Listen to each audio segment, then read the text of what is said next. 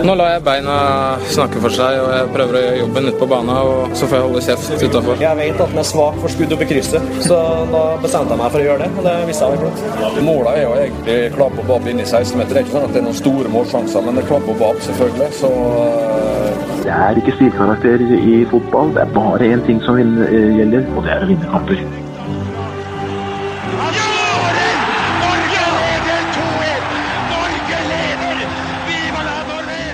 Og der var eh, toppfotball eh, tilbake igjen. Jeg sitter på Ekeberg eh, sammen med to herremenn. Vi sitter i klubbhuset til Koffa, KFUM Oslo. Og vi har mye spennende på agendaen. Fokuset er selvfølgelig Post Nord, annendivisjon avdeling 2. Og først av alt KFUM-trener med mange år bak seg som spiller både i Skeid og Lørenskog. Eh, kaptein i tillegg på et, et juniorlag i Skeid som, som, vant NM-gull. Mer, mer, om det senere, si. Jørgen Isnes, eh, velkommen. Takk, takk. Eller takk for at jeg fikk lov å komme, blir vel riktig å si? Ja, i dette tilfellet så blir det det. Eh, men du er hjertelig velkommen. Men det eh, blir bra, dette. Ved din side sitter uh, ingen ringere enn uh, årets unge trener uh, i 99, som trente nettopp Skeid junior til NM-gull i 98 og 99. og så har vi ikke tid til å ramse opp alle merittene og klubbene du har vært innom, men Kjell Sverre Hansenvold, velkommen. Ja, takk for det. Jeg føler meg først og fremst som en uh, skjærgutt. Ja. selv om jeg har vært i en del andre klubber også. Sånn blir jo fotballivet litt. Rann. Skeid ligger uh, hjertet deres uh, nærme begge to. Uh, I dag skal vi snakke både litt om Skeid. Vi skal dra, litt, dra fram litt gamle minner fra, fra den tida også, selvfølgelig. I tillegg til å se nærmere på avdeling to, hvordan den ser ut. Og så er vi veldig spent på hvordan det står til i Koffa om dagen. Eh, jeg plukket opp et sitat hvor det sto at eh, Eller du sa, det var vel kanskje da du tok over laget, at dere skulle bli Oslos nest beste klubb? Ja, det er vel en fair eh, målsetning, og ikke sånn voldsom enorm målsetning. Så den er oppnåelig, den. Helt klart. Hvor langt unna er dere nå, da? Jeg er veldig nære, uh, men det er klart uh, Skeid og Kjelsås uh, ligger jo rundt oss. Så det å bli, det å bli nest best i Oslo, det kan ta ett år, det kan ta to år. Men vi ønsker jo selvfølgelig å komme opp i Obos-ligaen igjen, som vi var for to år siden. Kjell Sverre, du starta trenerkarrieren i, i Romsås i 91. Ja, stemmer det. Ja. I, i fjerdedivisjon. Uh, nå er du tilbake i fjerdedivisjon, nå med Rommen. Mm. Uh, hvordan, er, hvordan, er, dagens fjerdedivisjon sammenligna med det du hadde i, i 91? Ja, altså, For å ta det først, eh, Romsås-biten, så starta vi i femtedivisjon, faktisk. Ja. Men rykka opp til fjerde. men dagens fjerdedivisjon er bedre. Og det har jo litt med omlegginga av seriesystemet å gjøre. Ved at det ramla ned Uh, de lagene som var fra femteplass og nedover i tredjedivisjon, ramla ned i fjerdedivisjon. Uh, eh, og da gjør det jo at det blir uh, flere lag som har ganske mange gode spillere, og som satser en del, egentlig. Uh, så fjerdedivisjon er vesentlig bedre blitt i fjor enn hva han var bare for to år tilbake. Mm. Etter, etter Romsås så ble det Gjelleråsen, og så ble det Skeid junior. Ja, nei. Eh, etter Gjelleråsen så ble det Grorud. Ja, eh, min moderklubb da jeg vokste opp, så eh, vi fikk en annenplass med et skikkelig sånn hurra meg rundt-lag, men veldig kul sesong. Hadde bare bortekamper oppe i Lom og Sel, Otta, Lillehammer. Og vi tenkte at dette kan bli litt trøbbel, for at uh, det, var ikke, det var lang reisevei. Men uh, vi hadde en, hadde en, regel om at hvis vi vant matchen, så var det lov å skjenke seg på veien hjem. uh, og etter hvert så var det ca. 30 stykker i troppen til alle bortekamper. Og vi vant alle kampene borte. Grei rykker opp det året, med Søvik som trener, og så vi havner på andreplass. Men vi vinner alt som er av bortekamper, og bussen er stappa full hver eneste helg vi drar. Er det, er det noe som kunne funka i Koffa, Jørgen? Det er jeg litt mer usikker på igjen, eh, men vi har det hyggelig på busstur, vi. Så, ja. Eh, og vi var vel ganske ålreit på bortebane i fjor. Så vi håper å ta med oss en del av det i år også. Ja, det er ma mange veier til målet. ja, det er det. Helt klart. Men så ble du, hvis, hvis jeg har historien riktig, så ble du assistent eh, til Bjarne Rønning i Ja. Tippeligaen med Skeid. Det stemmer. Eh, hvordan var det? Han var en fargerik type. Ja, herlig, herlig periode, egentlig. Og en, eh, en fyr som du ikke glemmer. Han er jo en eh, Han er en utrolig kreativ type. Han har jo skrevet bøker. Eh, litt sånn eh, Jeg kaller han som han er hogd ut rett ut av naturen, på en måte. For han har mange av de sosiale antennene, kanskje, uh, og sosiale normene som folk forholder seg til. Dem forholder ikke Bjarne seg til. Men samtidig så er han også meget smart sosialt. Eh, sånn at han, eh, han var en herlig fyr i forhold til historier. Både i forhold til å fortelle dem, og til å sørge for at det blei historier. For han eh, havna jo oppi mye rart uten helt å ha kontroll på det sjøl alltid. Så fantastisk personlighet. Han er vel utdanna pedagog òg? Ja, han er det. Jobber som lærer. Ja, det, vet jeg ikke om han gjør nå, da, men han jobba som lærer både før og etter fotballkarrieren sin. Da. Han passa veldig godt i Skeid i den perioden han var i Skeid. For, eh, for det er ikke sikkert at man Man kler jo, så nærme oss alle, vi kler jo ikke alle klubber og alle miljøer, men han kledde Skeid på den tida der på en fantastisk bra måte. Det er fortsatt noen som leser dikt i, i garderoben. Ja. Ja. Og Bjarne gjorde jo det, og Mm. Per-Mathias eh, gjør jo det. Så ja, han var kjent litt for det, ja. ja. Var det der Høgmo henta den inspirasjonen? Det kan jo godt hende. De er jo litt like i forhold til kreativitet rundt en del ting, da. Men, eh, og, og Høgmo Jeg jo, var jo litt eh, negativt innstilt til Høgmo sin landslagskarriere. Men av det jeg har opplevd med Høgmo sånn personlig sett i forhold til kurs vi har vært på, sånn, så er jo han en veldig artig fyr å være med. Eh, noe som han ikke kanskje helt fikk fram som landslagstrener. At han blei kanskje litt kjedelig og litt for svulstig i måten å være på. Men han er jo en veldig morsom fyr, og det var også Bjarne. Og så i, eh, i eh, hopper vi til 98. Uh, og da jeg inviterte dere til, til denne episoden, så var jeg lykkelig uvitende om at, eh, om at dere to i fellesskap tok jo NM-gull i 98 med juniorlaget til, eh, til Skeid. Eh, du som kaptein, Jørgen, og, og Ja. du som trener, Kjell Sverre. Ja, Vi tok det vel ikke alene, eh, fordi Men eh, Og hvorfor jeg sier det, det er fordi det var et eh, lag med stor eh, L. Og det skal han som sitter ved siden av her, eh, ha veldig mye kred for. Det var eh, mange gode fotballspillere der, eh, men jeg husker eh, kampen mot Viking borte på Stavanger stadion. Det er klart en relativt storklubb i forhold til Skeid på, på den tida. Og Kjell sin tale før matchen, den sitter fortsatt i, i huet mitt. Og den har jeg for så vidt bygd på litt sjøl når jeg har hatt viktige kamper. Senest i Lørenskog, i en nedrykksmatch. Jeg husker du snakka om uh, arbeidergutta, eh, og så dro han inn eh, støtteapparatet vårt med Rolf Erik Hansen, som fortsatt eh, er materialforvalter i Skeid.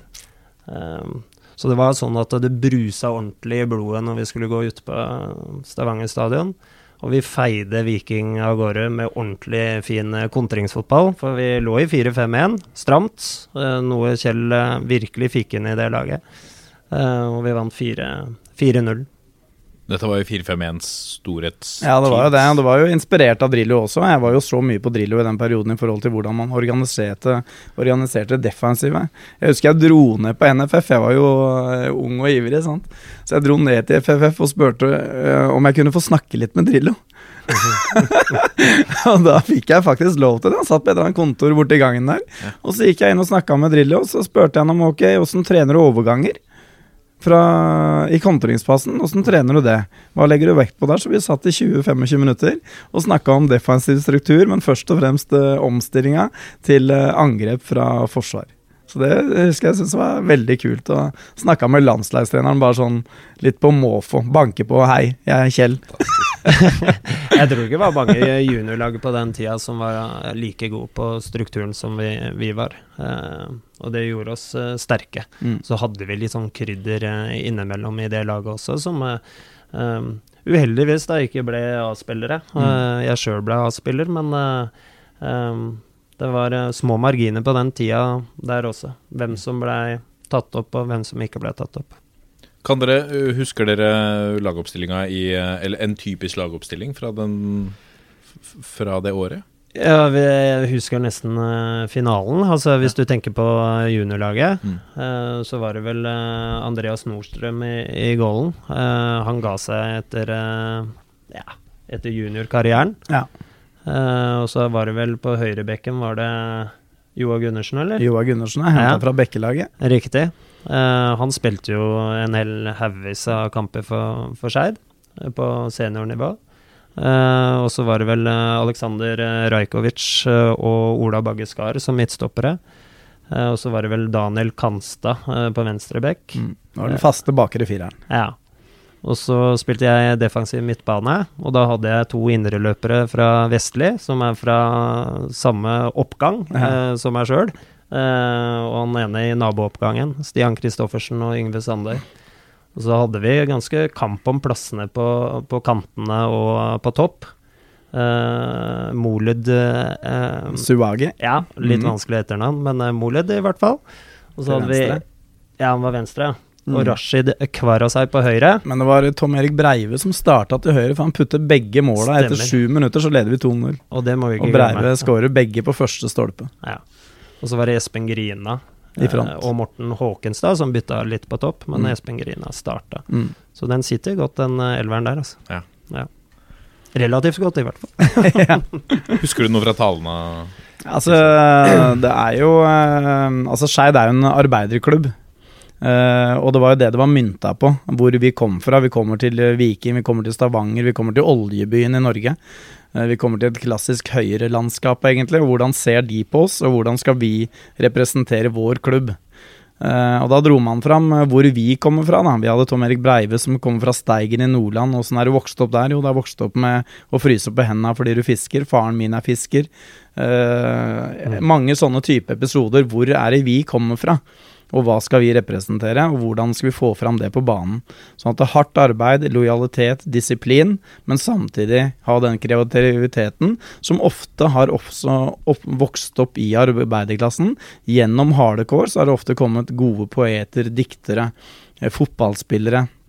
Fordi man har fått fram den siden av det også. Så um, jeg husker vi, um, vi var eh, bra motivert og klare for kamp når vi gikk ut på Viking stadion. Ja. Jeg så den Annie Given Sunday-tale. Ja, det var litt, uh, litt av det samme. Ja, jeg syns det, altså. Uh, den uh, Jeg kjenner den godt igjen når Kjell Sverre begynner å prate om den, så det Ja. Den satt som ei kule.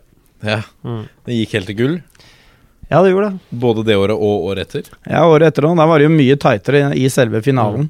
Vi hadde et litt annet type lag òg, men vi var stramt organisert defensivt, og vi trykka på. Men vi hadde eh, noe mer kreative spillere. Eh, men vi, og vi møter Stabæk hjemme i finalen på Voldsløkka den gangen. Regnfullt og et godt Stabæk-lag, men vi vinner 3-2. Marius Liffegren skårer det avgjørende målet. Eh, men det er en mye tightere finale mot et meget godt uh, Stabæk-lag, altså. Så den kunne gått i begge retninger, men vi, vi, hadde, vi hadde litt sånn matchvinnertyper, og vi hadde en stamina i forhold til det å tåle at matchen var jevn. Tåle å ligge under, tåle å bare kjøre på og fortsatt være disiplinerte. Som ofte kan være en utfordring for juniorlag og unge spillere. eh, At man blir kanskje litt for prega av resultater, vil vise seg mer fram uh, aleine, men vi var veldig disiplinerte i laget.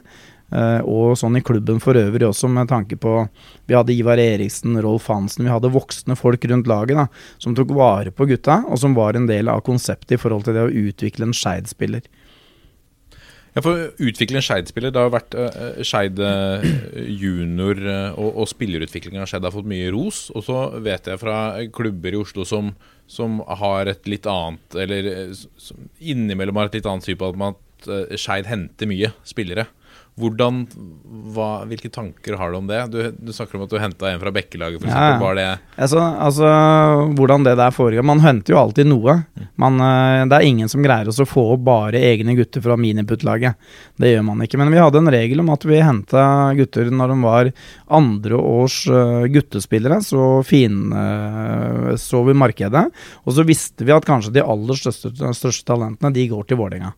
Og så de som ligger litt oppi dalen, de kanskje, kanskje til Lillestrøm, selv om de var ikke noen sånn stor konkurrent på den tida. Men Vålerenga, Stabæk henta litt, og til dels Lyn noe.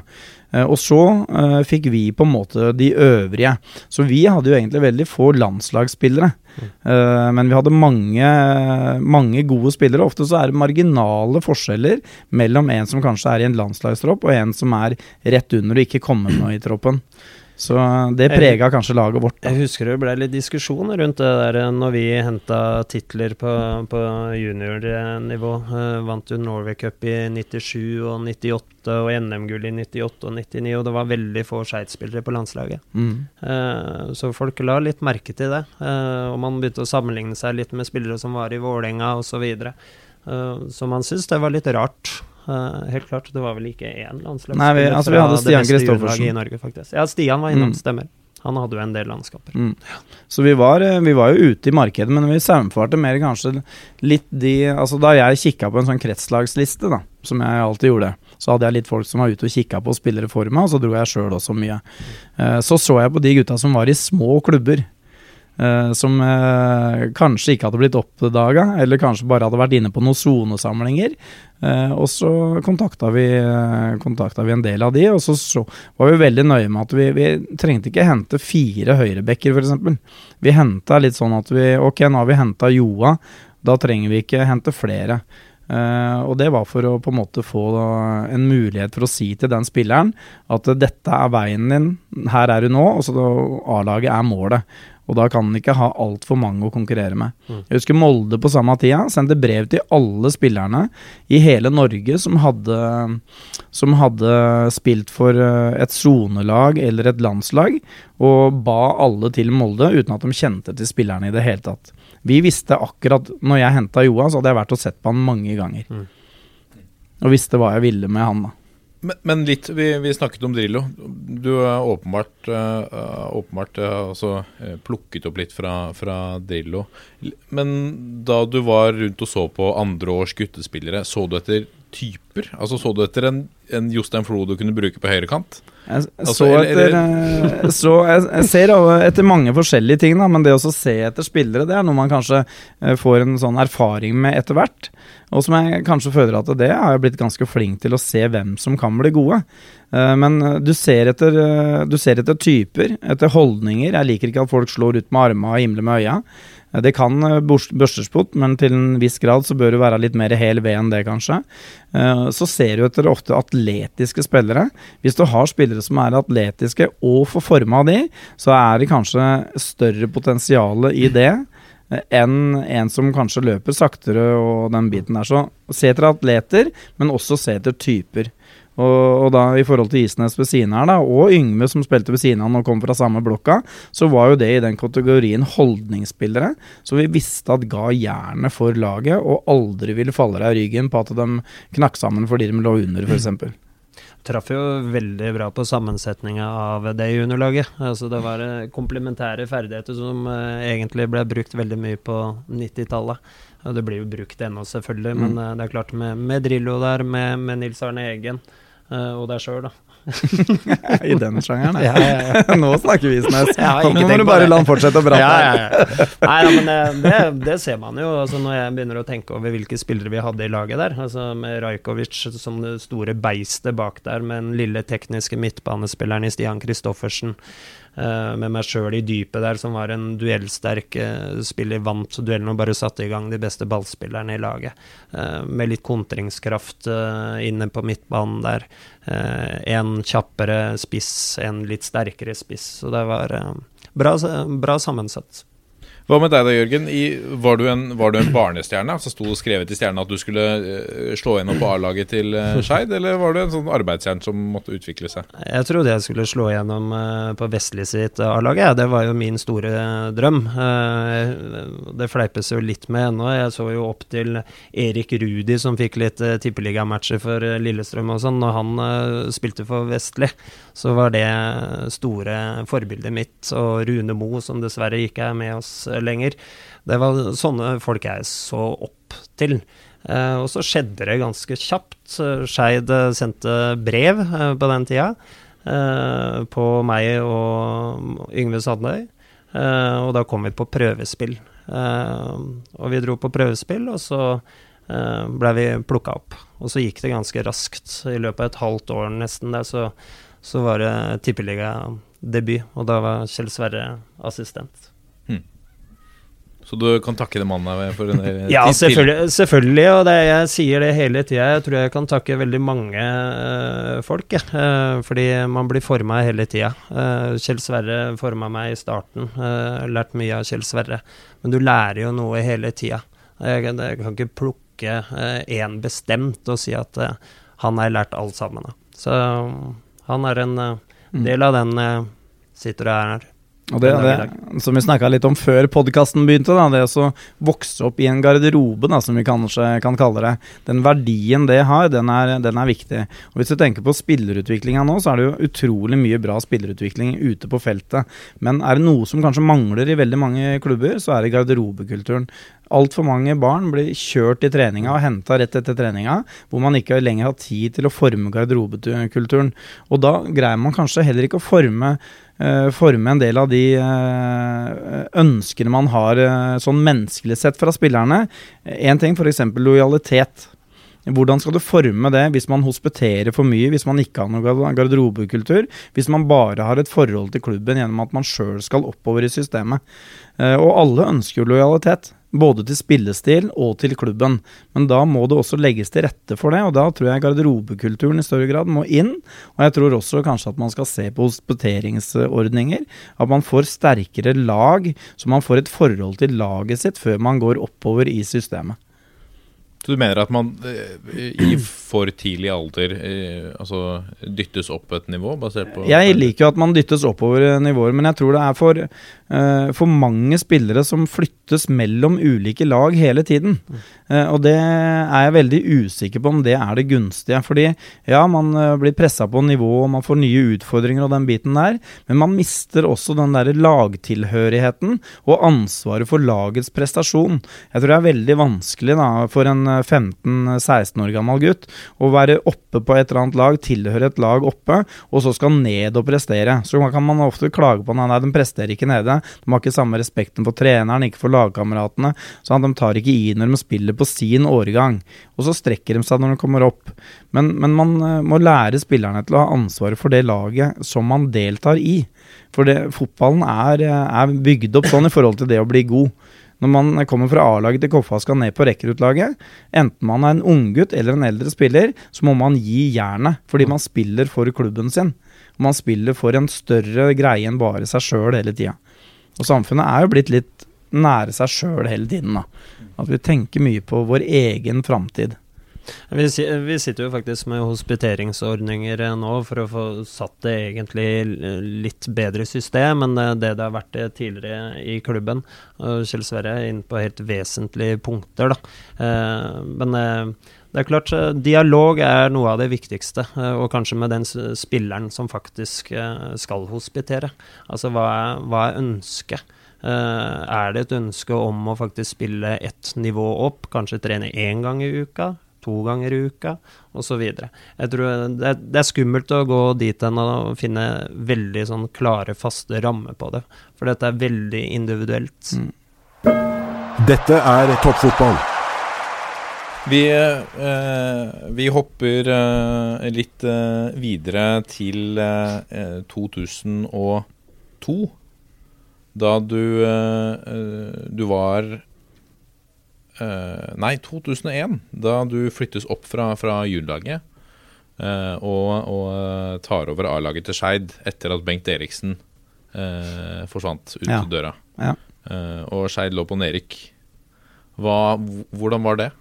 Nei, Det var jo spennende for meg, selvfølgelig. Jeg hadde jo vært med Bjarne da i Tippeligaen i to år i forkant, og så tok jo Bengt over de siste åtte kampene. Uh, og da fant jeg ut at nå, Da begynte jeg å kjenne Skeid, da. Så tenkte jeg at nå må jeg, nå må jeg lage en spillerutviklingsmodell og forme Skeid på en annen måte, og det gjør jeg best å være, være, være juniortrener. Så derfor på en måte gikk jeg ned da til juniorlaget, så var jeg der noen år. Og så får Bengt da sparken, og så ender meg med at jeg skal ta over, og det går jo egentlig veldig bra. Jeg husker jeg er veldig spent når vi drar opp til Raufoss da, og skal spille der oppe, og det er min første kamp som uh, trener for et uh, førstedivisjonslag. Men vi vinner der oppe gjennom uh, struktur, gjennom 4-5-1, gjennom kontringer og dødballer og all den skiten der, men vi Og så har vi Kjelsås i kamp nummer to. Skal det sies at du benka meg den matchen mot Raufoss? Det, det, stemmer det. Det husker jeg det stemmer godt. Da, de vant. Da var jeg, ja, det vant. Det er bra coaching, det. Men jeg husker jeg var ordentlig irritert. Det var, det, var tre, det var, tre, stykker det sto om i den dype rollen. Det sto mellom Ståle Andersen, som også er tidligere KFA-trener, mm. som var en fantastisk fin fotballspiller, og stor sto mellom Ole Martin Johansen, som uh, var en kjempespiller, men kunne være litt slack. Og så sto det igjen uh, mellom uh, Hel V Isnes, og så endte jeg oppe på Ole Martin i dypet og spilte fantastisk i den matchen, det skal sies. Er ikke det dummeste valget, det. Men, men det hadde jo sine konsekvenser, da. Ståle gikk jo den gangen da til eh, Oslo øst, som det het. Mens Jørgen blei hos oss, da. Men ja, det var en bra start med å slå først Raufoss bort, og så Kjelsås hjemme etterpå. Og så holdt dere plassen? Ja, vi holdt plassen ganske greit, egentlig. Vi var klare før siste serierunde. Mm. Så vi fikk eh, vi, vi, hadde et lag som eh, passa veldig i forhold til sånn jeg ønska at vi skulle spille fotball den gangen. Og fikk den rette flyten, og ja, vi, vi greide det ganske greit, egentlig. Og det var, et, uh, var en bra opplevelse å gå inn i A-laget også. Mm. Men, men, hvis jeg tolker uh, historien er riktig, så kommer Halvard Thoresen inn. Ja. Uh, hvordan var det da å miste uh, trenerjobben etter å ha tatt laget fra nedrykksplass til ja. tryggplass? Sånn, sånn, sånn, er det jo litt. Altså, jeg har ikke noe sånn stort navn uh, i forhold til og, fotballen. Så er det jo ofte at man får ha store navn som hentes inn. Og Skeid vil jo da satse veldig. Henta Halvard Thoresen. Uh, jeg tenkte ok, ja, det kan være spennende for meg å lære av Halvard Thoresen. Jeg har ikke hatt så mange trenere som jeg kunne lære av. Jeg hadde hatt Bjarne Rønning og ja, litt uh, Joe Hooley, som jeg har lært mye av. Uh, så jeg tenkte at det var ganske spennende. Jeg kunne forme min rolle gjennom da hele klubben ved å, å sette i system det at man uh, har spillerutviklinga inkludert i A-laget også. Uh, for det var ikke så inkludert når Bengt var der. Og forme, former, trenerutvikling og den biten helt ned til 13-åringene. Så jeg, så jeg så veldig positivt på det. det jeg hadde jo lyst til å være hovedtrener, men jeg så også verdien av å være under, eller med, da, kan man si, en trener som Halvard Thoresen. Uh, som hadde den erfaringa han hadde. Som for øvrig er en utrolig morsom og herlig type, mm. men som også da, eh, kanskje ikke alltid virker sånn når man kan få et intervju med eller et eller annet sånt. Det kan virke litt kjedelig, men han er utrolig herlig og morsom å prate med. Og sinnssykt god i five side. Helt fantastisk. Helt fan, altså, øh, han skulle jo spilt på det Skeid-laget sjøl. Han var jo desidert beste spilleren. Ja, han, var, han, var, helt rå på restitusjonstreningen når vi hadde five side. Fantastisk. Ja. Men, men, så gjentar jo historien seg litt. Ja. Halvard Thoresen eh, det blir jo store, store, Ja, altså uh, Det blir store økonomiske problemer i Skeid. Mm. Uh, det fikk man jo hvert tredje år når man skulle satse skikkelig.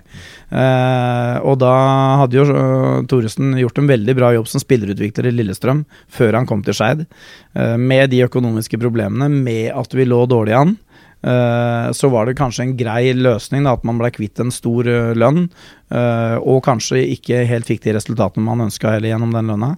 og når jeg da tok over, så var det et lag som ikke hadde den samme harmonien som da jeg tok over første gangen. Så det var en mye vanskeligere oppgave.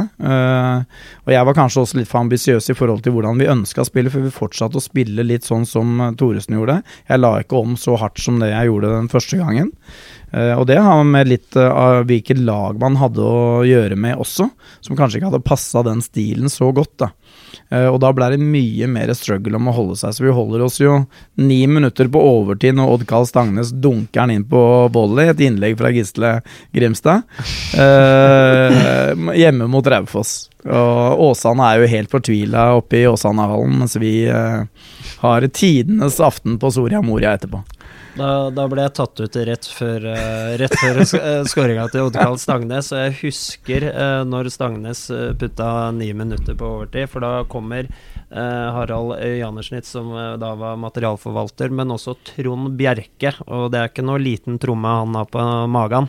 Og jeg husker han kasta seg over meg, ned på gresset på Voldsløkka, og det ble noen kilo kilo oppå meg der. Ja, nei, det var helt ville tilstander. Altså, det, det, det, kjentes ut som det faktisk var eh, 5000 tilskuere der, Ja. men det var, det var bare 500. Så det, Var det ikke ofte sånn på Voldsløkka? Jo. Jo. Det var herlig bane å spille Ja, på. det det. Fantastisk hjemmebane for Skeid. Og det er en katastrofe at den har lagt ned som fotballarena i Oslo. Helt, Det skulle jo vært hjemmebane til Skeid og Lyn uh, på deling, f.eks. Hadde passa perfekt. Så fantastisk å se på kamper der. Men i forhold til den kampen der, da, altså rett før vi scorer, så er vi jo uh, så, så Kim Larsen, som er tidligere Skeid-gutt, spiller jo for uh, Raufoss. Mm. er aleine med keeper, dribler keeperen og skyter, og da skyter han jo oss ned hvis han skyter den i mål. Uh, men Stangnes redder på streken, og ballen uh, suser oppover. Og vi kommer aleine med keeperen, men bommer. Og så løper Gisle Grimstad ut og henter ballen på sidelinja, dunker den inn for mål. Der er plutselig Stangnes og kliner den inn på volley. Så skal det sies at uh, jeg tror jeg la til jeg, Vi fikk et halvt minutt overtid der. Ved at jeg skjelte ut linjemannen så kraftig på en offside-avgjørelse tidligere der. Så det var helt kaos på sidelinja. Så blei det lagt til litt ekstra, så uh, der var vi litt uh, heldige i forhold til tidsramma på kampen. Men det, altså, det var en utrolig opplevelse. Og for en fest på kvelden. Mm. Fantastisk. Og så eh, Det året med, med nok en gang å ha holdt eh, plassen eh, ble fulgt opp med et eh, et år hvor, som virkelig satte Altså, Skeid har vært på kartet i mange år, men, men som eh, brakte de fram i, i rampelyset igjen ved å være en liten cupbaskeladd. Ehm, selv om Skeid har mange år bak seg i Eliteserien osv., så, videre, så var det en stund siden man kanskje hadde sett Skeid helt i toppen av norsk ball, før de slår ut både uh, før de slår ut både Molde og, og Vålerenga i henholdsvis uh, tredje runde og kvartfinalen. Men ja, slår ut tre tippeligalag, faktisk. Vi slår Ja. først ut Molde borte på Aker stadion. Jeg husker fortsatt at Erik Erik Noppi, da, som ikke var den eh, kanskje største teknikeren, en svær okse av en eh, midtstopper, og Stig Kallestad, som var eh, ikke teknisk han heller. Men vi spilte en veldig fin fotball. Hadde utvikla et lag som spilte veldig fin fotball, og vi skulle tørre å spille der oppe også. Jeg husker at vi sto og spilte omtrent sånn firkantspill da, med Magne Hoseth helt fortvila i midten der. Og hvor da til slutt Daniel Bråten på sitt beste hente ballen langt nede på egen halvdel, raider tvers over hele banen, skaffer oss et frispark. Og dagen før så hadde vi trent nede på Muselund. Der er det jo lagt en kunstgressbane nå, men det var ikke den gangen. Da hadde vi trent, og hadde, jeg hadde funnet et lite mm, sted der hvor det gikk an å trene. Eh, for det var jo høl i hele Muselund på den gressletta som var der, hvor vi kunne øve på dødballer. Og da scorer vi på den ene dødballen som vi hadde øvd på nede på Muslund der dagen før. Og Erik Noppi dunker den i kassa med huet sitt. da. Men det var jo ofte sånn man eh, gikk jo og leita etter noen ledige Eller ikke ledige flekker, men noen ålreite eh, flekker nede på Muselunden der Ja. når vi skulle trene. Men sånn var det jo med Bjarne også. Ja. Da trente vi til og med på 17. mai. 17. mai, så- når folk kom, kommer gjennom dødballøkta der på Nei, det var på. Skeid tivoli. Og vi trente, og vi bare kikka ned i bakken. Han visste ikke at det var 17. mai, tror jeg. Men det er jo litt historie som henter seg. Det er eh, arbeidsgutta eh, som da trener på, på dødball på en gul eh, gressflekk på, på Muselunden til Røkkeløkka. Ja. Det, og det var litt av det samme. da Vi snakket litt om det samme før den kampen her også. Men uh, jeg husker også spillemøtet i forkant av den kampen, hvor vi snakka veldig mye om det å være mestringsorientert. Altså det å tørre å spille vår type fotball. Altså hva Molde har mange ting som de kan påvirke, som, som gjør oss dårligere. Men hva er det de ikke kan ta fra oss? De kan ikke hindre oss i å løpe mye. De kan ikke hindre oss i å posisjonere oss riktig. De kan ikke hindre oss i å være positive og jobbe knallhardt for hverandre. De tingene kan de ikke hindre oss i å gjøre. Det er helt utelukkende opp til oss sjøl. Uh, og da visste vi at hvis vi gjorde de tingene der, så er vi et ganske bra lag, og kanskje et lag som Molde syns er litt sånn vanskelig å møte, fordi når vi kommer opp til de, så har de en innstilling med at de skal spille oss av banen. Men når det ender med at det er vi som har ballen, og vi som trykker de litt, så blir det en sånn mental greie om at hva faen er dette her for noe? Skal vi begynne å jobbe for å slå dette skjærlaget? Og det er en vanskelig inngang når man, å snu på midt i en kamp. Uh, og det tror jeg skjedde både mot uh, Sogndal, som den gangen lå på andreplass i Tippeligaen, og mot Vålerenga. Der kontrer vi noe mer. Men, men Sogndal blir jo spilt helt av brettet på Voldsløkka i en fantastisk fotballkamp fra vår side. Men, det, men det forundrer meg litt at, at når, når, man ser disse cup-Askeladd-historiene vi, vi, har sett det med Follo, med Hødd, med da Skeid, at, at de slår ut eh, som du er inne på tre tippeligalag. Altså Ser de ikke på kampene som har vært? Er man ikke forberedt på at dette er et lag som kan rokke ved, ved, de, ved de, større lagene? Jeg tror de forbereder seg. Kanskje, de, kanskje, i tredje runde så tror jeg de kanskje tar litt lett på det uten å helt mene det. Men etter hvert som de uh, kryper opp i runden og de ser at de skal, sånn som Follo når de slår ut Rosenborg på, på Ski stadion, så er altså ferdigheter utjevnes gjennom hardt arbeid.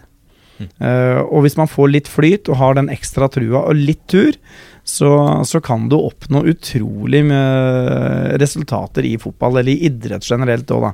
Og det er jo en av årsakene, da, det er jo et slitt klisjé, det, til at folk holder på og lever i drømmen om å oppnå ting som man normalt sett kanskje ikke er i nærheten av å oppnå, men det kan man oppnå i et fotballag så ser man jo det nå at det, det I hvert fall nå, kanskje ikke like mye før, men det er blitt jevnere i norsk fotball. Altså, mm. Det er sånn at annendivisjonslag spiller ganske tett og jevnt med Obos-liga bånn i, i Eliteserien.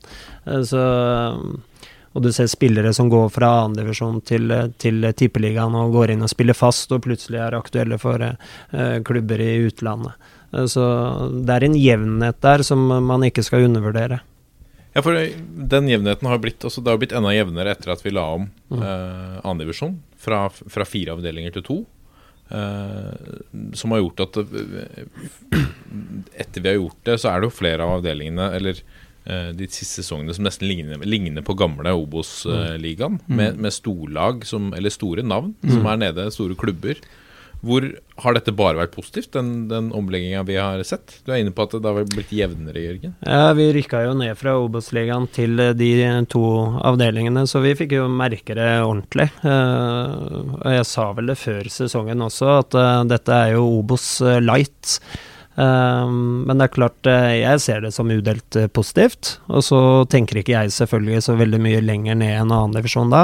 Og jeg ser jo frustrasjonen til både tredjedivisjonsklubber og fjerdedivisjonsklubber. Men uh, for vår del så er det jo en fantastisk sesong vi går i møte. Det var en fantastisk sesong i fjor. Vi spiller eh, 26 kamper som lever til det 95. minutt. Nesten hver bidige helg.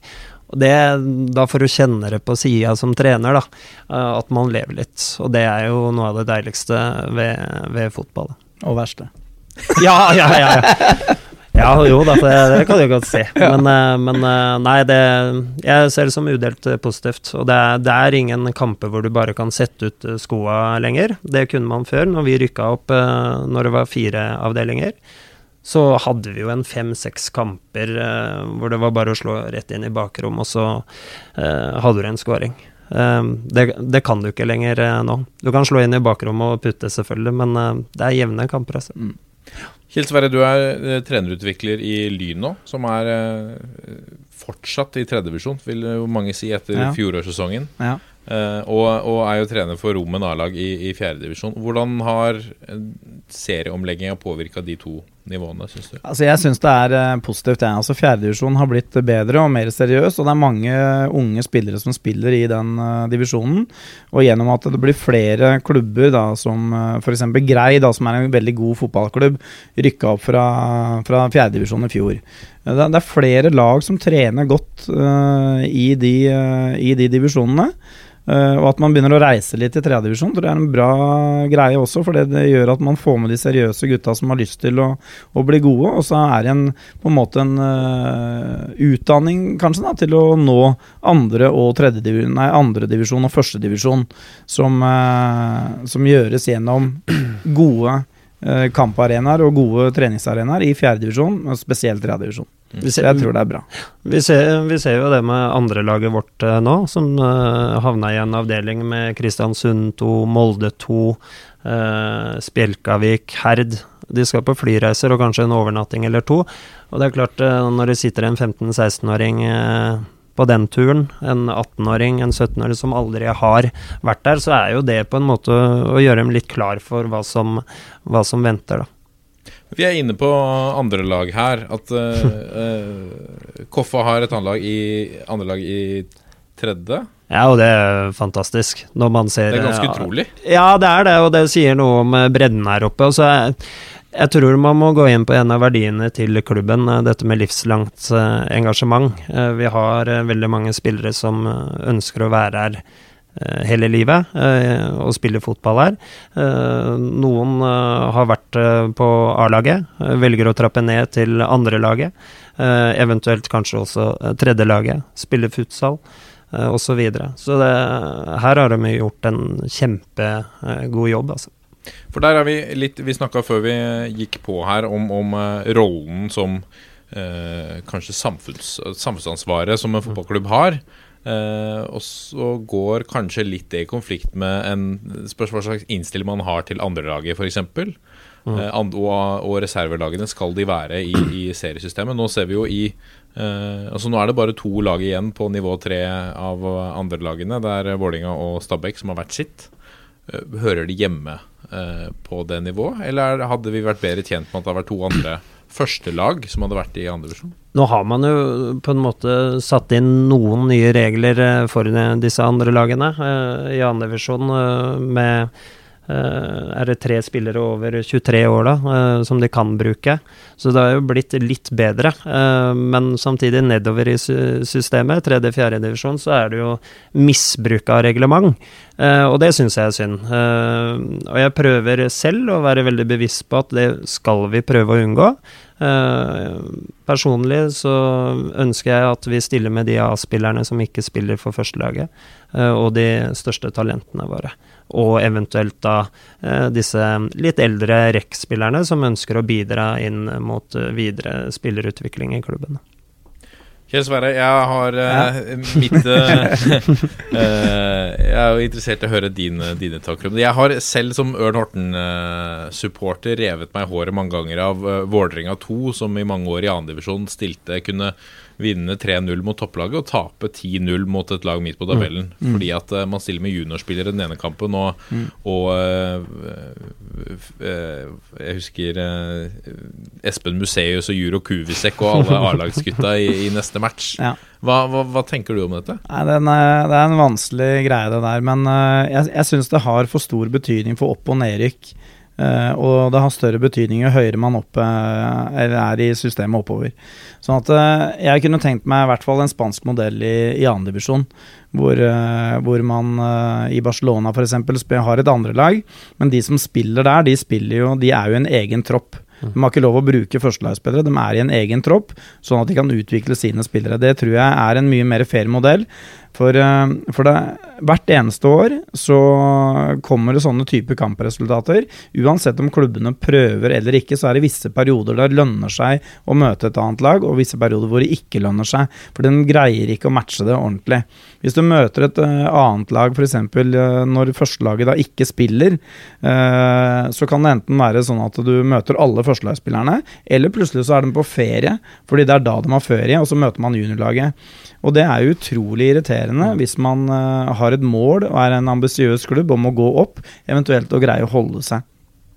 Eh, så jeg ville gjerne hatt, eh, hatt en sånn type ordning, i hvert fall i andredivisjon. At de ikke kan bruke At man har smalere A-tropp, og at man har eh, utviklingsspillere i en egen tropp som brukes i andredivisjon. Nedover i systemet så er jeg litt mer usikker på det, men du ser det som Isnes er litt eh, inne på. da, Du har lag som eh, ser at andrelaget sitt kanskje rykker ned noen divisjoner. Eh, og så bytter man, og så har førstelaget greid seg. Mm. Og så stiller man plutselig med hele førstelaget i tre, fire, fem kamper på slutten, og bytter og switcher plass på det. Og det blir helt gærent, rett og slett. Nå snakka jeg nettopp med Kent Bergersen og Kvikk Halden var på besøk her i, på, på mandag. Og da nevnte Hvordan han gikk det? Nei, det ble 3-3. Uh, Kenta putta ikke, men eh, han, han sto på sida. Men eh, han eh, nevnte faktisk det på slutten av sesongen i fjor for Kvikk Halden. eh, så kunne de helt sikkert ha henta flere poeng, men de, der hadde opprykket ryket. Eh, og da valgte de å prioritere andrelaget, som da skulle holde plassen sin i fjerdedivisjon. Men de rykka jo ned eh, fra fjerde til femte, så og det er jo synd, det, og det innleda jeg egentlig litt med når du stilte spørsmålet også. Men eh, jeg kan være enig med Kjell Sverre, men det krever jo eh, selvfølgelig veldig store spillerstaller. Mm. eh, og det krever mange spillere. Og det er noen klubber som kommer til å håndtere det bedre enn andre, tror jeg. Mm. Så, men den beste spillerutviklinga ser vi i norsk uh, målestokk. Lønner det seg å spille på et andrelag i en toppklubb, eller lønner det seg å spille på Koffa sitt A-lag, Mm. Skeids A-lag, så lønner det seg helt klart å spille på de første lagene litt nedover i systemet. Og Da får man se på da hvor lønnsomt det er egentlig at man har de andre lagene, når konsekvensene for akkurat de klubbene der kan bli så store at de mister et opprykk. Mm. Lyn mista sitt opprykk i fjor, Stabæk 2 går opp i stedet. Uh, jeg ville jo mye heller hatt Lyn oppover i systemet enn at jeg ville hatt Stabæk 2 i en eller annen avdeling. Apropos Lyn og, og eh, Jørgen sitt mål om å være nest best i, i Oslo. Hva tenker du om, eh, om det? Det er vel eh, et mål som hele Lyn eh, Ski fotballklubben Lyn har satt seg. Ja, Lyn eh, de satser hardt, det. Og det som er utfordringa for eh, på en måte mindre klubber da, Nå er Koffa vokst seg ganske store i, eh, i antall medlemmer, men fortsatt så er jo Koffa på en måte en mindre klubb sånn historisk sett. da. De store klubbene i Oslo, det er Skeid, og det er Lyn, og det er Frigg. Det er de som har den historiske bakgrunnen. Og ser vi på eh, muligheten for å, å etablere seg oppe og bli en storklubb igjen, så er det kanskje lettere for en klubb med, med en historie. Selv om noen ganger så histor taler historie mot den, så er det kanskje enklere for, for de å, å vokse seg store allikevel. Men så har du Kjelsås og Koffa så, og Grorud, da, som har gjort noen skikkelig shot nå, som kanskje ser ut til å, å miste det litt nå. Eh, litt usikker på hvordan det står til i Grorud per dag. Men Koffa og Kjelsås er jo meget gode klubber. Både når det gjelder spillerutvikling, organisering og at A-lagene er oppe på, på det nivået som gjør at de kan helt klart kjempe om å være Oslos nest beste lag. Det står imellom ganske mange lag, egentlig. Og jeg tror Lyn er interessert i å være med i den kampen. Og i år så tror jeg de rykker opp også. Det tror jeg. Ja, vi har jo møtt dem faktisk i, i vinter. Eh, Vi, vi vant uh, 4-1, men jeg ser jo at uh, det Lynlaget kommer til å ligge i toppen av tredjevisjon. Men det, det har de jo på en måte gjort i to, to sesonger. Den ene sesongen så kunne de rykke, rykke opp, og i fjor så røyk de på, på målstreken. Det er jo litt synd, man skulle ønske å ha Lyn opp i annendivisjon i hvert fall, for da hadde vi skjønt at vi hadde fått over 1000 tilskuere på én match til. Så, så- sånn tenker i hvert fall jeg, som KFA-trener. Eh, så tror jeg man nesten må se litt bort fra historien nå, for nå begynner det å bli så mange lag som har historie, som har ryket på smeller, både økonomisk, men også på hva som er henta inn eh, gjennom flere sesonger. Eh, og da tror jeg på en måte at den historien kan være historie. Og så tror jeg det faktisk kommer noen andre lag som eh, kan dunke på litt eh, i årene fremover. Ja, for i, i årets avdeling for, for Koffa så møter dere Skeid, Kjelsås og Vålerenga 2. Så Mm. det er jo lokaloppgjør. Ja, ja, det er dritmoro. Hvor viktig er det for Ja, det, det, For meg så er det veldig viktig. Altså, Jeg elsker å ha, ha lokale oppgjør. Eh, Det er noe av det beste jeg vet, og jeg prøver å formidle det til spillergruppa mi. Nå tror jeg det faktisk er litt lettere òg, for nå har vi eh, veldig mange Oslo-gutter eh, i laget som har tilknytning til området her. Eh, Jeg tror det er 80% faktisk. Eh, litt Holmlia, litt, eh, litt lenger bort, Follo, og også Ekeberg. Um, så nei, det er, det er viktig for klubben å få de matcha også. For det er klart, når vi møtte Skeid i fjor og tok uh, trikk til Nordre Åsen, eh, og den ble vist på Eurosport, så var det over 1000 tilskuere. Og det, man må få flere av de kampene der. Og det, det er jeg litt opptatt av å være litt på klubben også, eh, med å få nok folk på kampene våre. For det er en happening, altså. Hvis det, hvis det plutselig kommer 1000, så er det mange som sitter igjen med en god følelse etter de eh, matchene der. Så Nei, det, de lokaloppgjørene der eh, gleder jeg meg virkelig til. Det er spennende for spillerne. og Jeg syns, det er synd at Grorud ikke er i avdelinga til Mm. Seg. Det, da. Mm. At, uh, at de kanskje heller kunne putta Vålerenga to i den andre avdelinga. Det er sikkert noe opplegg rundt det. Men, uh, men det er, altså de lokalderbyene du kan få, de må du prøve å sette opp. Uh, For det første så litt sånn med den publikum, publikumsappellen til kamper, men også med tanke på at det er veldig kult for spillerne eh, å spille mot hverandre. De kjenner hverandre til daglig, de går kanskje på skole og studerer sammen. Det er en kniving internt mellom alle de gutta der, og det gjør at uh, serien uh, utover den tabellmessige posisjonen gir en, en ekstra spenning da når man møter hverandre. Men eh, hvilket steg, bortsett fra Fordi du, i, i, det å være Oslos eh, nest beste klubb, Mm. så ligger det litt mer enn bare det sportslige. Hva er det som gjøres i Koffa nå for at man skal klare eh, At den målsetningen er, er realistisk? Eh, Den er jo realistisk når vi, når vi, når vi havner rett bak eh, de andre laga eh, i fjor. Altså Da havna vi bak Skeid og Grorud, riktignok en del poeng bak Skeid. og Kjelsås rett bak oss igjen. Så må jeg jo skryte av Kjelsås òg, da. Jeg er imponert over Eivind Kampens måte å sette sammen et lag på. Det har han gjort flere sesonger på rad, og de blir tippa langt nede, men presterer ganske godt. Så det er imponerende av eh, Kjelsås og Eivind. Eh, men eh, det er klart, vi, jobber nå med å prøve å få administrasjonen godt på plass. Altså at vi har nok kompetanse inne i klubben som kan forvalte det videre til pappatrenere nede i barnealder. Og selvfølgelig også i ungdomsfotballen. Og holde på med god trenerutvikling. Litt sånn som Kjell Sverre også holder på med i, i Lyn. Og så må vi selvfølgelig ta steget når det kommer til treningsmengde og treningsintensitet. Og så må selvfølgelig Oslo-klubbene også etter hvert bli med på eh, kanskje å se om det er mulig å sette en del eh, spillere på eh, kontrakter, eh, proffkontrakter. Og det dreier seg om økonomi, men jeg er veldig imot at man eh, starter i feil ende. Og at man eh, kaster seg rundt på den økonomidelen og gå på smeller. Så får man starte fra bunnen av og bygge eh, trinn for trinn. Så tror jeg eh, faktisk man kan ha et fortrinn, men da må du eh, se det noen år fremover. Og det gjør vi. Og vi jobber også inn mot en ny stadion som skal stå her i 2020, som sannsynligvis blir godkjent nå i november. Det krysser vi fingra for. Og det er klart, når du har noe sånt å jobbe mot, så, så kan jeg godt skrive under en treårskontrakt. Eh, Jeg kan jobbe eh, trinn for trinn med en spillergruppe som også er veldig godt sammensatt eh, for øyeblikket, med spillere som har lyst til å bli gode, og som ønsker å være i KFM noen år fremover. Hvilke tanker gjør du deg når du ser sånt som Brattvåg, som vi snakka mye om i, i, i toppfotball i fjor, hvor, hvor eh, man tar et lokalt lag fra et eh, mye mindre sted og pøser inn millioner og betaler ut eh, store, store lønninger ned i tredjedivisjon. Når Og så har du Koffa, som, som eh, ikke har de pengene til å betale store lønninger. Nei, altså, eh, altså har man penger, så skal man få lov til å bruke dem, eh, selvfølgelig. Jeg er mer ute etter at man må ikke skjemme bort spillerne.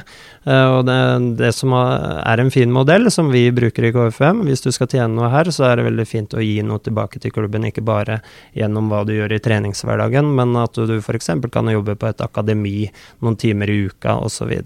Um, om Brattvåg har de pengene, så, så skal de få lov til å forvalte det. Og jeg tror de er også avhengig av det for å kunne ligge i annen divisjon, eventuelt ta et nytt steg, som Kjell Sverre var inne på uh, før sendinga i, i dag. Det er, morsomt, det er litt morsomt at noen klubber gjør sånne stunt også, da. For det blir litt sånn prat om det blir ekstra, ekstra eh, litt sånn eh, spenning i, i pulja, det også. Ok, de bruker mye penger og sånn og sånn, det av dem skal vi faen meg slå, liksom. Så at eh, det, er, det er litt gøy så lenge det ikke går utover at man ikke har de penga. Eh, at Men man gaper opp for mye. Sier ikke historien seg at, at det går gærent til slutt? Vi har liksom tilfellet med Randaberg. Der gikk det jo gærent pga. andre ting. Men, Mm. men altså, pengene tar slutt. Og Ja, så der, Star, ja. Ja. for eksempel. Mm. Eh, er, er, er det ikke en veldig kortsiktig tankegang å sprøyte inn med millioner på kort sikt og så klatre i systemet, hvis, hvis klubben ikke er rigga for det? Mm. Det er jo det. Ja. Eh, Men ofte så kan det være noen enkeltpersoner eller noen som har en drøm om et eller annet. Da. Eh, Hvis man ser på hvordan Stabæk ble bygd opp, da, så begynte jo de i 7. divisjon. Gjennom litt av det samme konseptet, egentlig. Gjennom de fantastiske menneskene i Ingebrigtsen Jensen og Lo og disse gutta her som bygde opp eh, en sånn klubb fra ingenting til å bli en tippeligaklubb. Gjennom litt av det konseptet der, at man turte virkelig å satse. Det var jo egentlig ikke noe. Sånn at det, det er mulig å få det til, men det er en veldig vanskelig gang. Og jeg tror den sunneste modellen og den vanligste modellen er å gjøre som Misnes og, og Koffa. Det er å utvikle sin egen klubb gjennom kompetanse, gjennom at man sørger for at folk trives så godt å være der. At man faktisk ønsker å, å, være der som et livslangt løp, da, som man kaller det her i Koffa. Men at man, øh, man får mange til å ville og ønske å bygge klubben. Det tror jeg er øh, den vanligste modellen, i, og som er sunnest på norsk fotball. Men et og annet stunt, det syns jeg faktisk er litt kult. Ja, Der er, der er jeg enig med Kjell Sverre, men det, det begynner å bli litt mange tilfeller. Altså, vi har sett Follo f.eks. år etter år. Eh, Jeg kaller det økonomisk doping, det er sikkert andre som har kalt det også. Eh, Jeg har vært i Lørenskog i ti sesonger hvor eh, det blir lag som eh, tar opprykket rett foran eh, nesa vår. Og det ved å bruke penger de egentlig ikke har. Og det er litt sånn småfrustrerende selvfølgelig for de andre klubbene. Men, men stunt er alltid fint. Mm. Eh, og det skaper litt liv og røre. Det, det må passe på så det ikke blir for kjedelig òg. Det, det er litt sånn med spillestil også. Da. Nå er vi jo veldig sånn Vi er jo blitt veldig mye mer spillende i norsk fotball enn vi, vi snakka om, Drillo tilbake i den tiden, hvor, vi, hvor mange lag spilte 4-5-1 og slo langt og nikka og den biten her. Det ser man jo nesten ingen lag gjøre lenger. Måten eh, Mathisen uh, sørga for at Kjelsås ble god på. Uh, veldig mange sp spiller ganske likt i norsk fotball. Uh, jeg tror det er veldig gunstig for utvikling av sånn sportslig sett at man har også lag som spiller kanskje tilnærmelsesvis li, li, like som Burnley, da. En 4-4-2 slår opp, flikker videre, pusher laget etter. Og så kan man se på City, som gjør det på en helt annen måte. Det er utviklende for fotballen. Sånn at man, eh, og, og det blir litt av det samme. Ok, hvordan utvikler man sin egen klubb? Ja, Noen gjør det på den måten, andre velger en helt annen inngang. Men det er bra for fotballen, tror jeg, både som klubbmessig, at ting gjøres på ulike måter. Og det skaper også større spenning, og det skaper utvikling. Noen ganger går det til helvete, men det en del av fotballen, det også. Må, må på en måte finne sitt eh, ståsted, altså eh, sin posisjon i, i norsk fotball. Hvor, hvor er det vi hører hjemme? Skal vi være en utviklingsklubb? Skal vi være en klubb som kjøper inn? Uh, det tror jeg er noe av det vi Altså identiteten der, som Kjell Sverre er inne på. Ser vi på Skeid nå, da, som er kanskje en av opprykksfavorittene i pulja til eh, Koffa, så, så har jo de endra uh, måten å være på nå, etter at uh, Petter og jeg uh, eh, var ferdig i Skeid. At, vi bygde opp et lag fra, med spillere fra Oslo City og fra juniorlaget. De, en del av de spillerne nå er jo i førstedivisjon og Bruno i Tippeligaen. sant? Sånn at det laget begynner å forsvinne litt. Rann. Nå bygger man opp et lag gjennom helt andre premisser, gjennom mer penger og hente spillere utenfra. Og Det kan godt hende at det er bra, at man da rykker opp og får det målet om å gå opp. Eh, men eh, ut, utfordringa til Skeid tror jeg kommer til å bli hvordan skal de greie å produsere nye spillere hvis man ikke åpner plasser i Asdalen og slipper til de unge spillerne. For da står de og stanger i taket, og det ser man på juniorlaget til Skeid nå. At nå visner juniorfotballen litt. Og sånn på lang sikt da, så kan jo det bety at Skeid er nødt til å kjøpe alle de spillerne som er fra nummer 7 og utover til nummer 20. Og hvis man må det, så blir det dyrt å være i førstedivisjon og andredivisjon. Jeg tror det lønner seg å produsere spillere sjøl. Sånn at stallen din fra 50-60, kanskje opp mot 70% er egne produkter. øh, og så kan du kanskje hente noen som øh, topper det hele. Hører Jørgen. Det er, uh... Ja, det er det vi holder på med i Koffa. Så ja, det det det, er, er det plass for unggutta i, i Koffa? Ja, det må du ikke lure på. Uh, nå har vi 26, uh, 26 spillere i stallen. Det er jo en ganske stor stall, men vi skal også bekle eh, to veldig fine arenaer. I den gruppa så er det en gjennomsnittsalder på 22 år. Det syns jeg er kjempebra. Vi har syv eller åtte førsteårs eh, senior. Eh, vi har en 02-gutt. Spørsmålet er om han kanskje det er litt tidlig, men han har en fysikk. Han er norgesmester i bryting, så det kler ham ganske godt å være med på seniornivå. Men her er det viktig selvfølgelig å finne en, en vei for han videre. Men eh, vi har egne gutter som er unge, og vi har henta spillere utenfra som er unge. Som uh, f.eks. Lars Olden Larsen, som, eh, som kom fra Vålerenga, som ikke fikk tillit der. Eh, men nå havner han hos oss, det er vi veldig glad for. Eh, så her, eh, her er det mange unge eh, spillere som kan ta et nytt steg, og som ønsker å ta et nytt steg. Og jeg tror noen av dem klarer det også, for jeg ser innstillinga deres nå gjennom vinteren, og det Jeg gleder meg til serien starter. Dette er toppfotball. Apropos, vi må snakke litt om uh, årets uh, sesong og, og Post Nord avdeling 2. Hvem, uh, hvordan ligger dere an? Når vi sitter her, så er det, så er det drøy halvannen uke til seriestart. Ja. Er dere i rute? Ja. Ja, ja, ja, vi er i rute, og det, det er av jeg sammenligner litt med hva jeg så i fjor. Jeg veit hvor vi har vært. Jeg, jeg har sett treningskampene våre. Jeg har analysert treningskampene våre. Eh, resultatmessig litt varierende, men vi starta fryktelig dårlig og fikk en smell mot eh, Ullkisa 7 7-0, eh, og den er alltid tung. Men etter det så har vi løfta oss. Så de seks siste nå har vi tre seire og tre uavgjort mot varierende motstander. Men det er mye spennende i det laget vårt.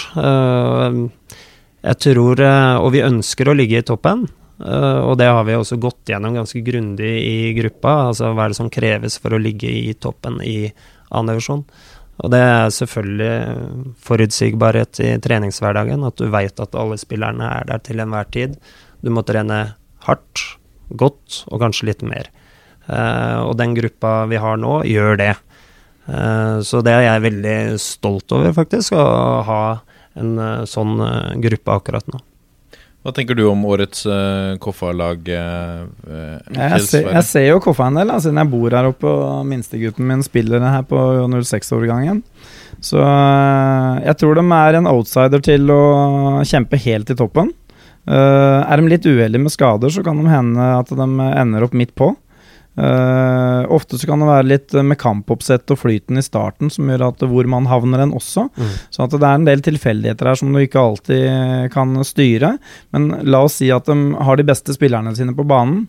eh, Så tror jeg Jørgen har mye rett i det han sier i forhold til at de trener bra, og konseptet er veldig tydelig.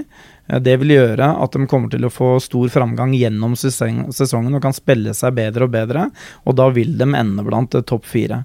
Om de, eh, om de er top notch, det er jeg litt usikker på, Eh, men eh, mulig, mulig.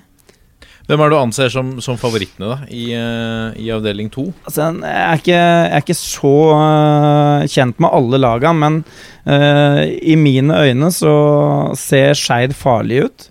Dem, uh, jeg tror de, dem satser alt på ett kort i år og vil opp. Eh, jeg tror Bryne blir gode. Eh, jeg tror Hødd øh, reiser seg og kan bli gode. Og jeg er veldig spent på hva Arendal greier å gjøre. Det er en god del penger der. Jeg kjenner ikke spillermaterialet på den eh, måten, som jeg kanskje burde ha gjort i forhold til å uttale meg veldig om det, men de fire laga tror jeg Koffa må passere hvis de skal vinne avdelinga. Hvem er det du ser for deg som, som de Nei, Kjell- argeste? Ja, Kjell Sverre har vært inne på det, han, så det er akkurat eh, de samme jeg har satt opp. Så veit man jo det. altså Hødd underpresterte i, i fjor, eh, men det er klart de satser hardt på å kunne ligge oppe i toppen og gå for opprykket. Eh, Bryne røyk på slutten i fjor. Så har du hardtsatsende lag. altså Egersund de, de har et stort budsjett til å være en annendivisjonsklubb, og i hvert fall i forhold til oss sjøl. Eh, og har også henta noen Obos-ligaspillere. Uh, Fløy er spennende med en, eh, en gæren eh, serbisk eh, trener. Eh, så det skal nok bli tøft å komme ned til den stadion der. Så, men eh, erfaringsmessig da fra sesongen i fjor, så er det så tett og jevnt i disse matchene, og det er som Kjell Sverre er inne på, altså eh, starten av sesongen som vi hadde i fjor, 0-1-5, eh, og så klarte vi heldigvis å snu det, men da var vi skadeutsatt. Uh, og det bikka ikke vår uh, vei. Jeg tror vi hadde ni ettmålstap i fjor. Finnsnes som rykka ned, hadde ti ettmålstap. Så det sier noe om jevnheten i norsk annendivisjon. Så jeg tror det er nesten litt sånn skummelt å peke ut klokkeklare favoritter, men Kjell Sverre har vært inne på uh, fire av dem. Uh, det er naturlig å nevne Skeid oppi der, ettersom de har hatt veldig god uh, vinter og har henta inn noen spennende spillere som har vært der før også. og så har de Tom Nordli som er trener der i sin klassiske 4-3-3, som han er veldig god på. så nei, det skal bli spennende å se. Hvilket lag er det som ligger uh, ditt hjerte nærmest når Skeid møter uh, Koffa? Da? Ja, da må Jørgen gå ut av rommet her, tror jeg, dessverre. Altså, jeg vokste opp med at faren min holdt med Skeid. Og jeg gikk på Skeid-kamper sammen med han, og jeg spilte litt i Skeid, og jeg har vært trener i Skeid i mange år. Så jeg har Altså, jeg holder med Manchester United, og jeg holder med Skeid. Mm. Uh, og så holder jeg selvfølgelig med de laga hvor jeg sjøl er trener, og eventuelt uh, hvor barna mine eller noen kjente spiller. Mm. Så når Koffa møter uh, Kjelsås, så holder jeg med Koffa. For der er jeg mer til høyde. Håper jeg at Jørgen vinner og jeg bor her oppe. Men akkurat når Skeid møter et annet lag, så er det egentlig bare United jeg holder med mer enn Skeid. så Skeid United om ti år i Europacupen, så Ja, da må, jeg, da må jeg holde med United. Dette er toppfotball. Jørgen, du var assistent i, i Koffa da dere var i, i mm. Obos-ligaen, eh, og er nå hovedtrener i andredivisjon. Hva, er, hva er forskjellen på Rollene, tenker du på? Ja, Rollene er én ting, det, men, men uh, hva er forskjellen på uh, hovedforskjellene på å spille i Obos-ligaen og i andredivisjon? Eh, vi var jo litt inne på det i stad, at det, det, er minimalt som eh, skiller. Eh, men det er klart at du møter bedre struktur i, i Obos-ligaen. Det var tøffere å bryte ned. Vi møtte motstandere som var mye raskere på plass. Så vi spilte stort sett mot etablert forsvar hele tida. Og det gjorde vi for så vidt i annen divisjon også, men da var det mer rom. Og rom vi faktisk kunne utnytte. da.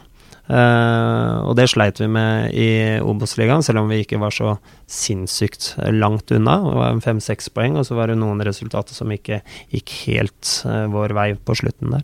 Men uh, det var nok den største forskjellen, og så la, la, vi jo merke til at vi måtte trene mer. Vi måtte trene bedre. For de gangene vi hadde tre kamper i uka, så var gutta rimelig ferdig den onsdagsmatchen, eller om det var søndagsmatch. Så det la vi merke til, og det har vi tatt litt på alvor i klubben, for vi ønsker å komme tilbake i Obos-ligaen. Og det trenger ikke skje neste år, det kan skje om tre år. Uh, men gjerne med en ny stadion her også. Så det å ha litt tid på å faktisk bygge seg inn mot det, og være enda mer klar til det neste gang, det tror jeg vi gjør klokt i. Kjell Sverre, mer profesjonelle klubber gjør at man kan kjøpe spillerne fri og, og har bedre tid til trening. Og Vi snakka litt om det før vi gikk på at eh, det er en del andredivisjonsklubber som kanskje trener nesten like mye som Eliteserien, men, men det går utover restitusjon. Ja, altså Eliteserien ligger jo selvfølgelig litt over treningsmessig, i hvert fall sånn felles. Men det er veldig mange andredivisjonsklubber uh, som trener mange gode fellesøkter, og som legger til rette for at spillerne skal trene enda mer. Utfordringa er jo den vanlige hverdagen i forhold til hvile. Eh, sånn at uh, andredivisjon og til dels halvparten av førstedivisjonslagene har en stor utfordring når det gjelder å få hvilt nok imellom treningene sine til å være ordentlig klare til å få, uh, få kvalitetsøkter sammen som lag.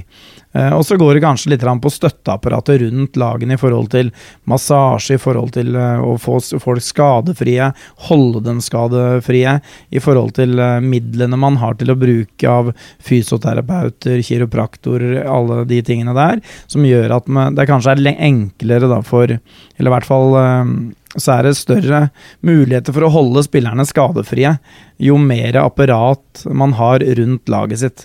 Det, og det er vanskelig å prioritere uh, i andredivisjon, fordi det koster ofte mye penger å ha veldig flinke folk rundt seg. Det er, det er en utfordring, det. Altså. Når du veit at gutta har sittet i åtte timer eh, på et kontor helt stille, uh, og du skal dra dem inn på den tøffeste økta du faktisk uh, skal ha i uka, da er du litt sårbar for, for, enkelte skader, altså, selv om du har varma opp litt godt og sånn. Så den totale belastninga på en annendivisjonsspiller og en delvis også Obos-liga, den er jo veldig annerledes enn en tippeliga. Mm. Ja. Vi nærmer oss slutten, men, men på blir det Altså den 14. april så er det Vidar som kommer hit. har du kontroll på dem? Ikke helt ennå, uh, men uh, som trener så ønsker jeg å ha kontroll på motstanderen. Kjell Sverre har snakka litt før, før sendinga, og det er klart man blir litt sånn småstressa hvis man ikke har, har, helt kontroll. Jeg er opptatt av at fotball er et spill mot spill. jeg er opptatt av hvordan vi kan bryte ned motstanderen på best mulig måte, og det er ålreit å ha noen knagger, knagger da. Uh, men de knaggene, de skal jeg få, så det trenger du ikke tenke på. hvor, hvor, opptatt er spillerne av, eh, av, motstanderne dere møter? Nei, de setter pris på å få litt informasjon, og så er de sånn som meg. Det viktigste er jo hva vi gjør, uh, gjør selv, og det har man sikkert hørt uh, veldig mange andre trenere si også. men det er viktig å være tro mot den spillestilen vi har i KFUM. Og så er det selvfølgelig justeringer som kan gjøres i forhold til den spillestilen, som jeg prøver å utvikle litt eh, videre nå eh, dette året, og forhåpentligvis årene som kommer. Kjell eh, Sverre, hva tror du om første seriekamp for Jørgen og Koffa? Jeg tror uh, Koffa er ganske klare favoritter. De åpner på hjemmebane, de er i stigning formessig. Jeg kjenner Vidar litt for dårlig, men det jeg har lest meg opp eh, på dem i forkant av å møte opp her, det er jo at de er svekka noe. Uh, til tross for Dione inn, så tror jeg de er noe svekka og kommer til å få kanskje en vanskelig sesong. Men det er mulig jeg tar helt feil på det. Men jeg tror eh, Koffa kommer til å hente tre poeng i den matchen der. Hvis de hvis de er skjerpa i alle spillets faser, mm -hmm. sånn at man ikke lar dem få kontringer og eventuelt unødvendige dødballmål mot seg, som kan gjøre at de blir litt shaky, med tanke på at de er favoritter. Så jeg tror de går med ledelsen, så tror jeg Vidar får store problemer. Kjell Sverre kjenner oss godt, skjønner jeg. Mine herrer, eh, tusen takk for at dere, dere tok dere tid. Uh, Jørgen, jeg vet du er midt i, i ganske viktig tid nå fram mot uh, serieåpning. Ja, akkurat nå så titter vi jo rett ut på treninga, så jeg syns det ser ålreit ut, det. Selv, om det bare, selv om det er to dager etter match. Men uh, vi liker å trene litt hardt da òg. Lykke til i serieåpninga mot uh, Vidar. Takk for det. Uh, Kjell Sverre, takk for uh, din visdom, og, og jeg skulle gjerne likt å høre denne talen. Det får vi ta i, i en annen episode. vi er Toppfotball på Facebook, Twitter og Instagram. Gå gjerne inn og, og legg inn en rating, eller send oss en mail på toppfotballat451.no. 1, 2, 3. Vi, vi er en gjeng! Ha det!